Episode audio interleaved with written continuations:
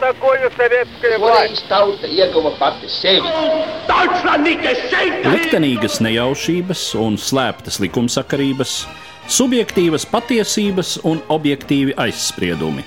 Pēc atkušņa nekad nenāk uzreiz pavasars, bet sākās Arī šodien cilvēki ir ļoti tuvredzīgi. Viņi redz to naudu, kas ir. Televīzijā jau pamatā notiek cīņa par varu. Pagātne no šodienas skatu punkta un šodienas caur pagātnes prizmu. Raidījumā šīs dienas acīm. Katru svētdienu Latvijas radio eterā Eduards Liniņš. Labdien, cienījamie klausītāji! Pirms pāris dienām atzīmējām 104. gadsimtu kopš Latvijas Republikas valstiskuma iedibināšanas 1918. gada 18. novembrī. Šodien piedāvāju jūsu uzmanībai ieskatu vēsturiskajās norisēs pirms Latvijas neatkarības tapšanas, tās laikā un tūlīt pēc tam.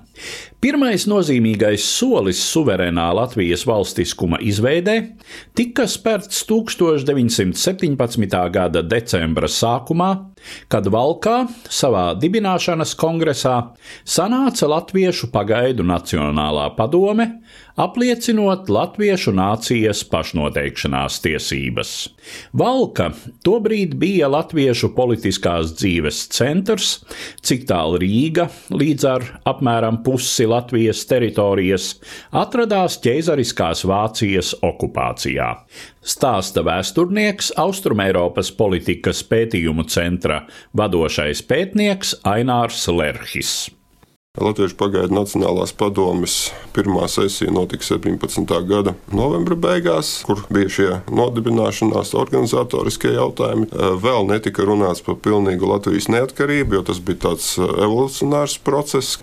Bet 1918. gada janvārī, kad Latviešu pagaidu Nacionālā padome sanāca uz otro sesiju, jau bija runa par Latvijas valsts neatkarības panākšanu. Ilgus gadus Latvijas teritorija bija atradusies Krievijas impērijas sastāvā, un tā īpaši neviens atsevišķi teiksim, neizšķīra, kur ir latviešu apdzīvotais reģions vai apgabals. Par to arī liecināja vairāki rietumvalstu diplomātu jautājumi šajos pirmajos latviešu tautas diplomātiskajos kontaktos, kad vispirms prasīja, kur Latvija ir uz kartes, cik liels karaspēks ir tās rīcībā. Ja? Nu, un arī nācās latviešu pārstāvjiem skaidrot arī diezgan daudzus nepareizus priekšstatus par latviešiem.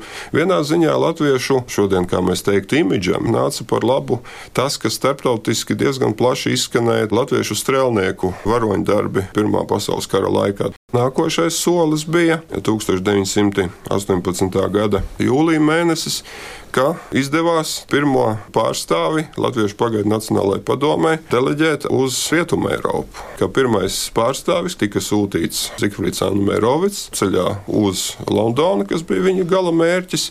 Vispirms apstājās Stokholmā, un Stokholmā piedalījās arī informatīva biroja veidošanā.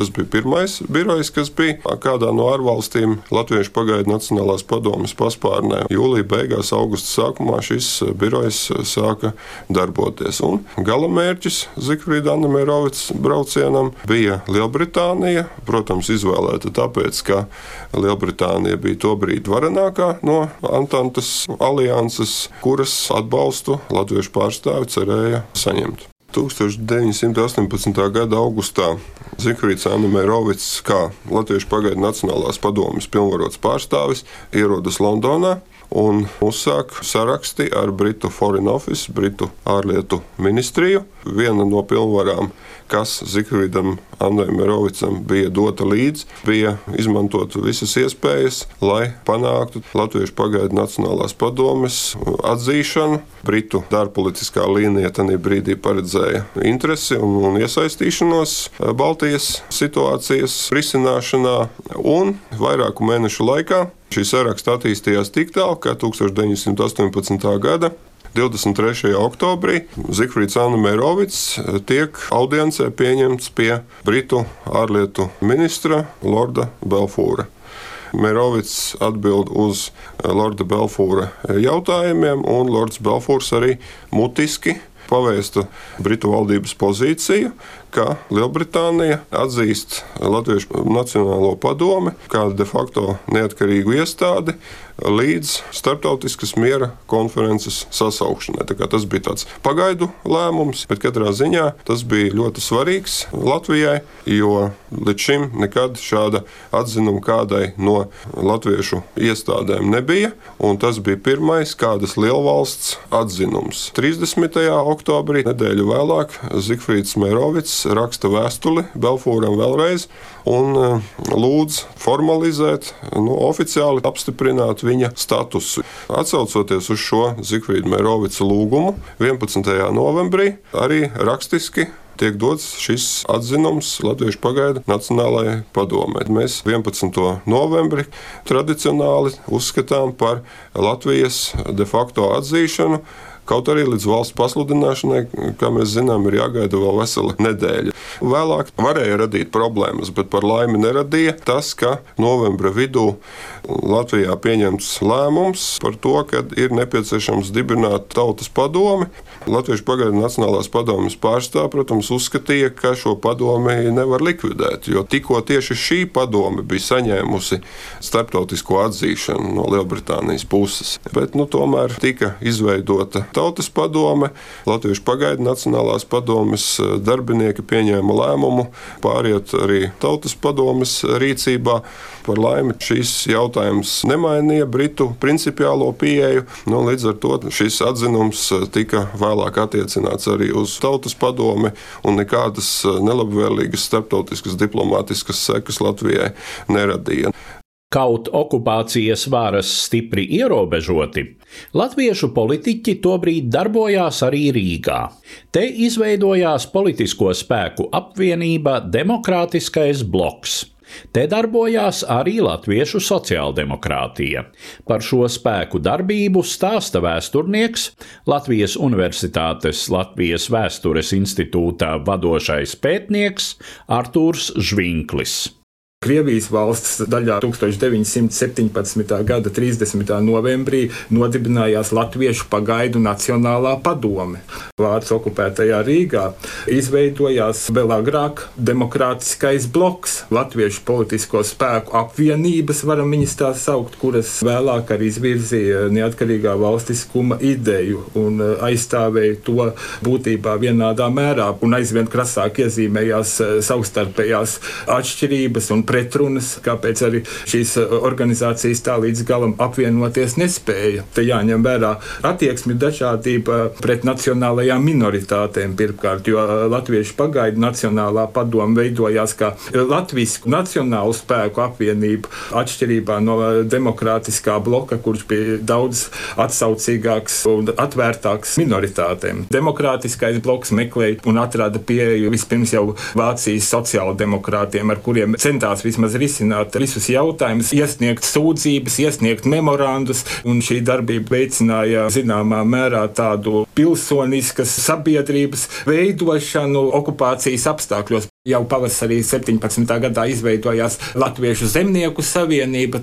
pilsoniski centriski, un ir nepareizi tagad šādi paustie viedokļi, ka tā ir labēja partija, buržuāziska, pilsoniska labēja partija. Nē, tā bija tiešām diezgan kreisi centriska partija. Un arī vēlākā savā politiskā attīstībā viņa bieži vien arī apliecināja kā tāda. Partijai ar Ulmanu priekšgalā bija ļoti viegli atrast kopēju valodu ar sociāldemokrātiem pie Latvijas valstiskuma veidošanas. 1900 1918. gada 18. novembrī proklamētā Latvijas republika, tā pati republika, kura turpinās. Mums vēl šodien, varēja izveidoties tikai un vienīgi pateicoties Zemnieku savienības, Kārļa Ulmaņa un Latvijas sociāldemokrātiskās strādnieku partijas, Pauls Kalniņš, Fricis Menders, arī Bruno Kalniņš, pateicoties šo divu partiju vienotībai tieši Latvijas neatkarības jautājumā. Tas bija vienīgā iespēja un vienīgie spēki, kas ir zīmīgi, ka Ulmanis ar labu vārdu atcerējās pat 1938. gadā vēl šo situāciju un atļauj pārpublicēt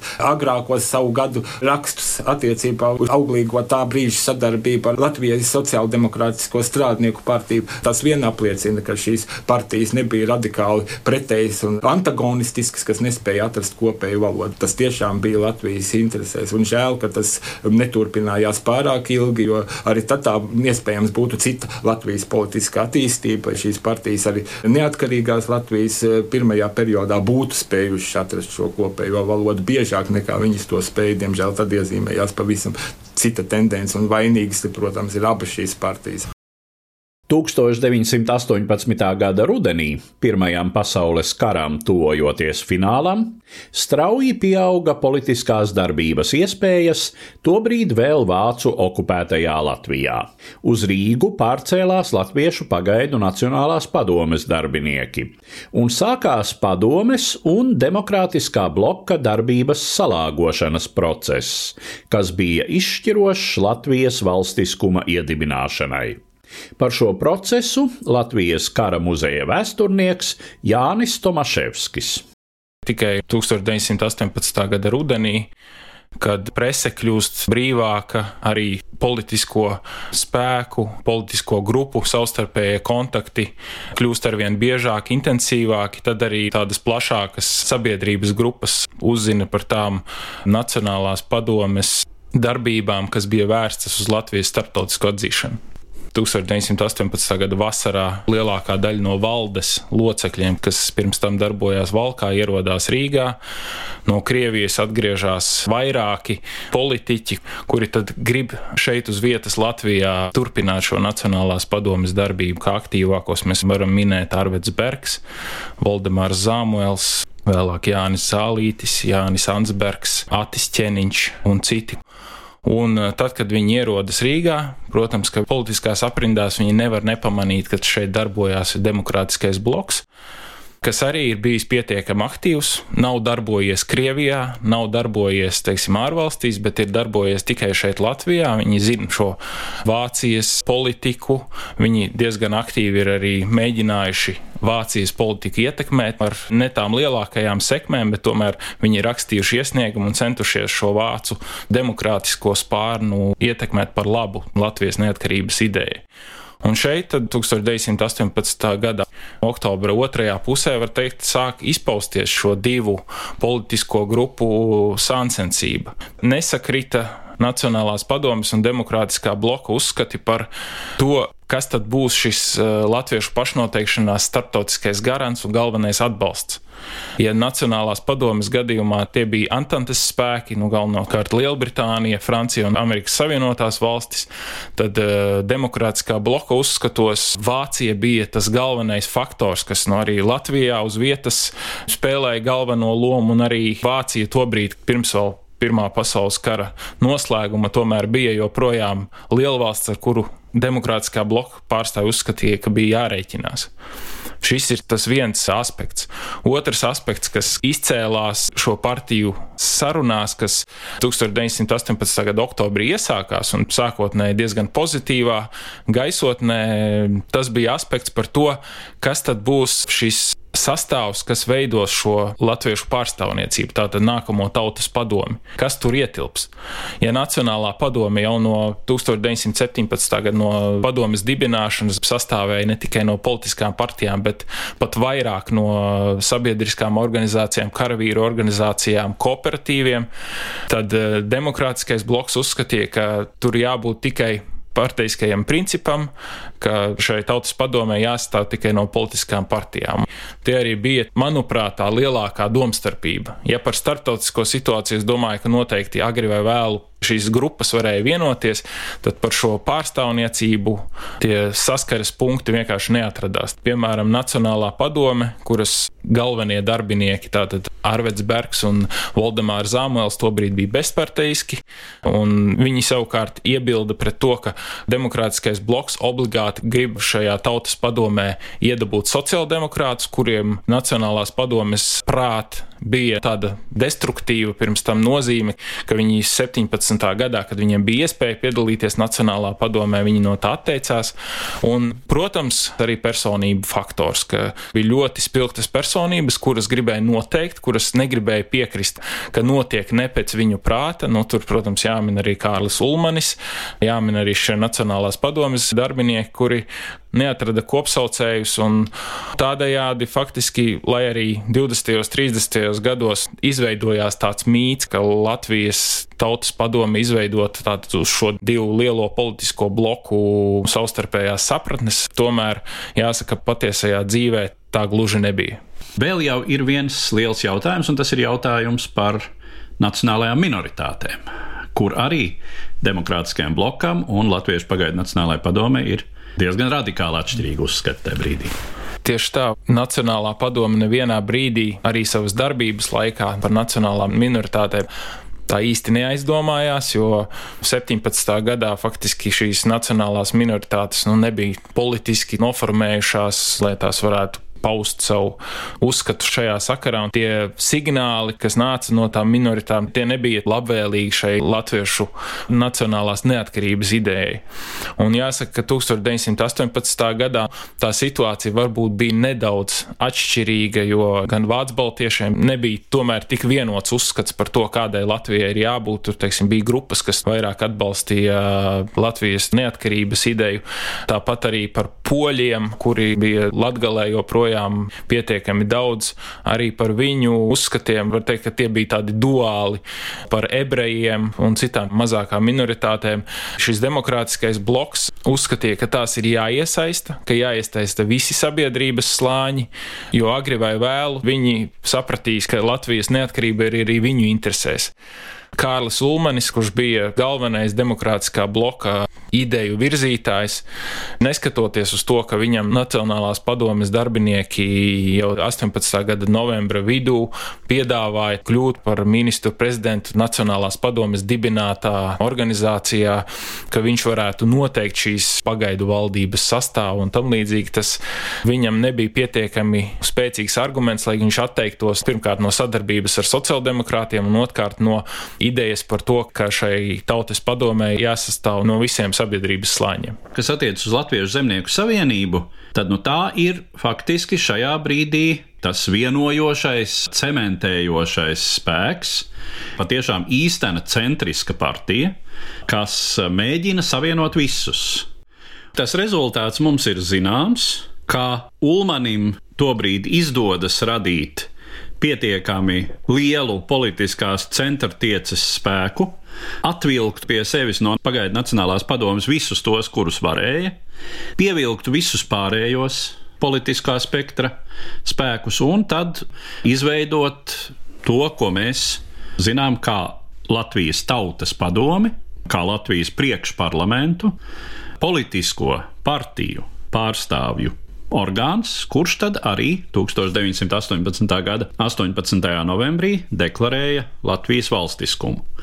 Un kalpoja kā šis priekšparlaments vairākus gadus, līdz bija iespējams vistautas vēlēšanās ievēlēt Latvijas satversmes sapulci. Vai mēs varam teikt, ka tobrīd Latviešu pagaidu Nacionālajai padomēji bija raksturīga tomēr tāda zināma domāšanas inerce, kas, manuprāt, lielā mērā saistījās ar to, ka tā bija darbojusies visu laiku joprojām šai Krievijas varas telpā, inerce, kuru varētu raksturot kā joprojām vienas lielas impērijas mazas tautas domāšanas veidu.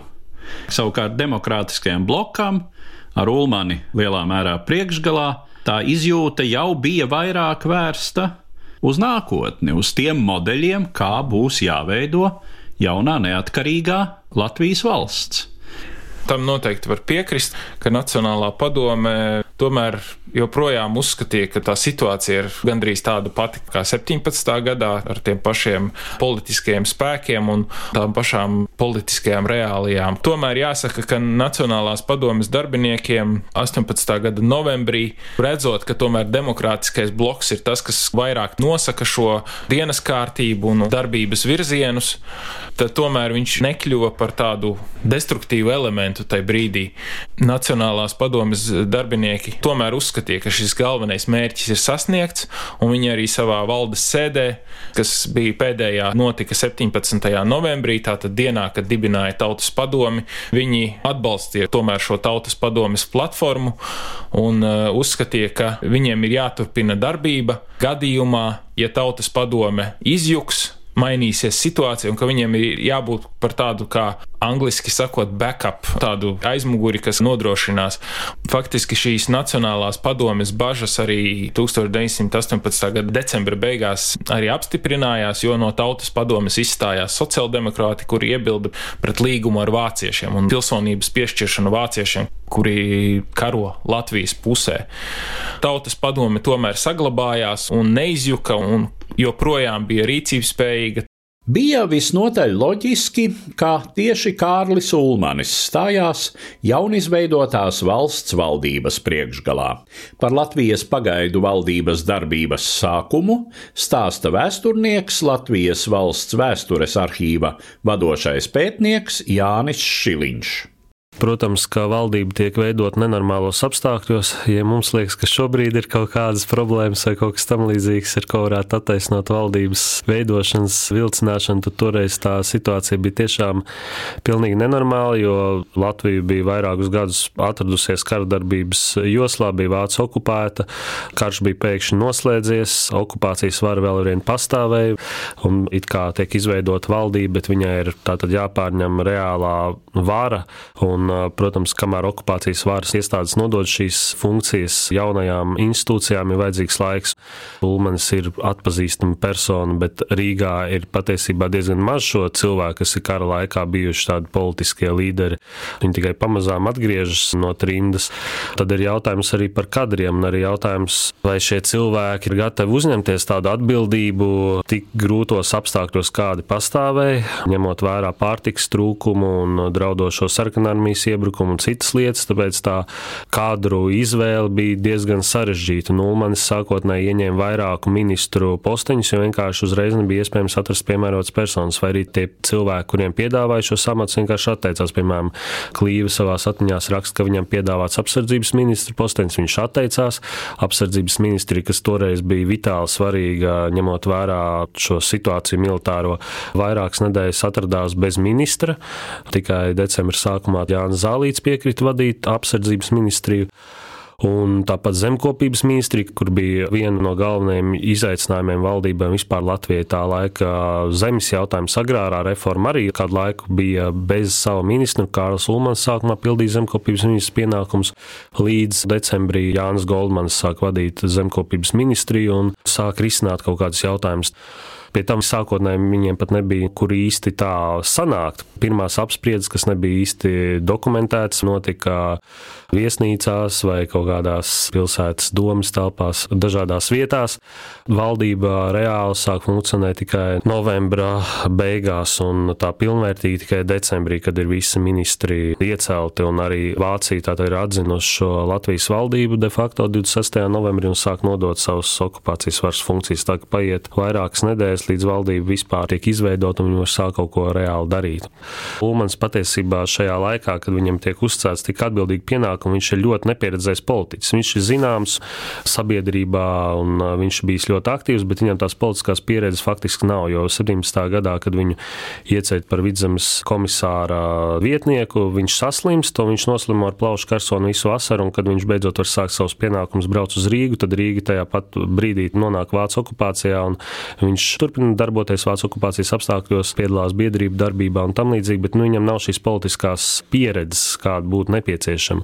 Protams, ka tas apgrūtina visas šīs sarunas, un arī varbūt, ka Ulmans pārāk naivi cer uz sociāldemokrātu iesaistīšanos, jo visu laiku ir šīs sarunas, kad valdībā vajadzētu būt sociāldemokrātiem, bet viņi tomēr nostādas opozīcijā, kas tāds lielais trieciens, tā kā būtu normāli, kad partijām deleģējam kaut kādas vietas, sadalam un mēģinam organizēt. Sociāl sociāldemokrāti pasaka nē, un lielā mērā tās ir privātas sarunas, kā es minēju, Klīvas piemēru, ka viņi uzrunā pēc tam to pašu zālīti. Bet mēs redzam tādu kopēju tendenci, ka ir šī vēlme saskaņot šos lielos divus grupējumus, to intereses, kas ir demokrātiskais bloks un Latviešu pagaidu nacionāla padoma, ko mēs ļoti skaidri redzam tautas padomas sastāvā, kur pārstāvēts faktiski līdzvērtīgi abi šie virzieni arī pagaidu valdībā. Tātad ir gan cilvēki no demokrātiskā bloka, no Latviešu pagaidu nacionālās padomas, jau minēja to pašu Goldmani un Zālīti, lai gan Nacionālā padoma uzreiz nepārstāja funkcionēt, un tas pats Bergs un Zāmuels, viņi tā kā arī nostājas opozīcijā valdībai un gaida, un patiesībā viņi gaida, zinot to reālo situāciju un saprotot, ka Ulmans ir diezgan nepieredzējis cilvēks, kad visticamākais tā valdība nu, izgāzīsies, un tad vajadzēs nākt atkal viņiem. Un arī, nu, piemēram, ministru ziņām, protams, ir tādas izvēles, kur jau ir jārēķinās to esošo situāciju. Piemēram, tas pats Mērovis jau ir ārzemēs, sekmīgi darbojas diplomātiskajā darbā. Nu, pilnīgi loģiski, ka viņam tiek uzstāts ārlietu ministra postenis.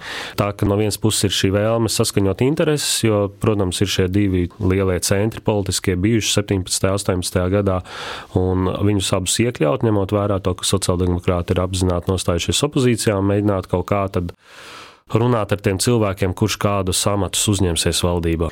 Sākotnēji šķiet, ka tiešām situācija ir teju bezcerīga. Latvijā no austrumiem jau novembra beigās sākas sarkanās armijas iebrukums. Vai ir kāds laika periods, kurā Latvijas pagaidu valdība saglabā kādas ilūzijas par to, ka tai izdosies saglabāt savā kontrolē lielāko daļu Latvijas teritorijas, ka varēs nodarboties arī ar kaut ko citu, izņemot izmisīgus mēģinājumus militāri noturēties pret šo no austrumiem ienākošo spēku? Jā, ļoti plašs jautājums. Centīšos īsi to komentēt. Sākas sarkanās armijas iebrukums. Patiesībā sākumā tie nav latviešu strēlnieki. Tā ir Krievijas armija, Krievu pulka, tā sauktie Novgorodas divīzija, Plaskavas divīzija strēlnieki parādās tikai decembra beigās Latvijā. Un tas tiešām ļoti izmaina to situāciju. Sākotnēji, kā valdība tiek izveidota, Latvijas valsts dibināta, ir milzīgs patriotisks pacēlums arī militārā ziņā, ja mēs skatāmies to brīvprātīgo skaitu, cik daudz piesakās brīvprātīgi tie simti cilvēku, arī, piemēram, Cēsīs 300 cilvēki atnāk pieteikties. Mēs zinām šo lielo demonstrāciju Liepājā arī pēc valsts dibināšanas novembra beigās. Un tā ir daudz lietas, kas liecina, ka sabiedrība dod šādu uzticības kredītu jaunajai valdībai, bet No vienas puses, jā, mēs varam slavēt Ulmanu, teikt, ka viņš ir ļoti daudz ko paveicis un, un ka viņš uzņēmās vispār tik eh, nenormālā situācijā vadīt šo valsti, bet viņš pieļāva ļoti daudzas kļūdas, kas ir pilnīgi loģiski priekš tik nepieredzējušu cilvēku. Ulmans lika ļoti liels cerības uz ārējo palīdzību, un tas lielā mērā izgāzās. Bija cerības vispirms uz sabiedrotajiem, uz Angļu floti, ka viņi palīdzēs aizstāvēt Rīgu, cerības uz vāciešiem, bet tas viss izgājās un izrādījās, ka pašiem arī ir jākaro par savu neatkarību. Nu, man patīk šis salīdzinājums ar Igauniju. Igaunija bija ļoti līdzīga situācija. Viņiem arī tajā pat laikā iebruka sarkanā armija. Turpat ir uh, sarkanās armijas sastāvā Igaunijas sarkanie strēlnieku pulki, tā saucamie arī sarkanie somi, starp citu, un tā tālāk. Un sarkanā armija nonāk Tallinas pievārtē un liekas, ka Igaunijai nekas neizdosies un ka valdībai būs jābēg prom, tāpat kā Ulmaņa valdībai no Rīgas, bet Igauni izdara vairākas lietas. Bet tā svarīgākā lieta, kas atšķir Igauniju no Latvijas, ir tā, ka Igaunijas valdība jau novembra beigās beigās pasaka, ka viņi dos zemi bezzemniekiem, un galvenais viņi dos zemi tiem, kur cīnās par Igaunijas neatkarību. To viņi saka jau decembrī, un jau pēc mēneša kara iznākums ir izšķirts. Un Ulmans atšķirībā no Igauniem nevis sola zemi, bet viņš saka, to izšķirs satversmes sapulcs tāda izvairīga pozīcija, neizlēmīga.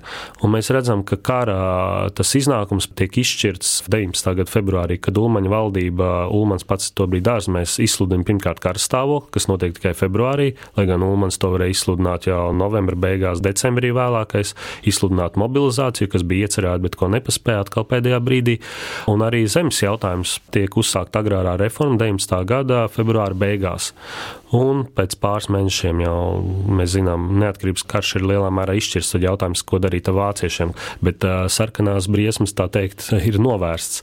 Tā kā Ulmaņa valdība lielā mērā var vainot arī sevi pati, ne tikai to sarkano armiju, kas iebruk, bet arī savu neizlēmīgo rīcību. Jo sākumā tiešām tā sabiedrības atsaucība diezgan liela. Mēs redzam, diezgan daudz brīvprātīgo stājas tiešām latviešu bruņoties formējumos, bet tad, kad viņi redz, ka tās lietas, par ko būtu vērts cīnīties, valdība nedod, un nāk vēl iekšā tagad atbrauc no Krievijas sarkanie strēlnieki, pret kuriem tagad būs jākaro, un uh, nav īsti bruņojumi, pie tam jākaro kopā ar vāciešiem, kā sabiedrotiem. Tā vēlme cīnīties par šādu valsti, viņa strauji sarūk. Līdz atkal februārī, martā, aprīlī šī situācija atkal ļoti mainās, bet tur atkal liels paldies Ulmanim, bet tikai tas nāk kaut kādus dažus mēnešus pa vēlu, un tas maksā Latvijai tūkstošiem uh, cilvēku dzīvību. Līdz ar to izskan mūsu šodienas raidījums, kurā pievērsāmies Latvijas valstiskuma tapšanai pirms 104 gadiem.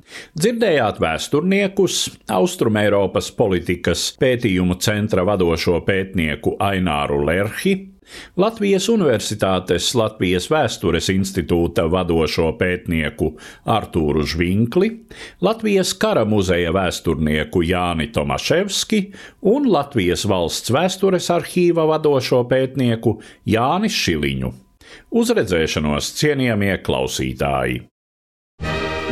Katru svētdienu Latvijas radio viens par pagātni sarunājas Eduards Liniņš.